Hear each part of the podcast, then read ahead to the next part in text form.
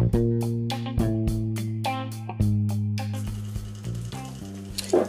orang-orang plus 62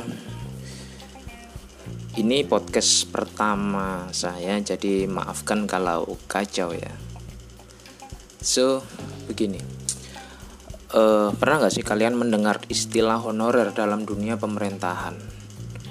Mungkin sebagian dari kalian sering mendengarnya ya Bahkan di TV di mana-mana itu sering kata-kata honorer ya namun pernah nggak kalian tahu sebetulnya honorer itu sudah tidak ada lagi di dalam dunia pemerintahan sejak disahkannya Undang-Undang ASN atau Undang-Undang Aparatur Sipil Negara.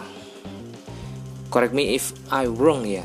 Tapi sebetulnya setahu saya sendiri sih eh, PNS sekarang ini sudah menerapkan UU ASN ini tadi yang dibedakan jadi dua itu yang PNS dan PPPK pegawai kontraknya.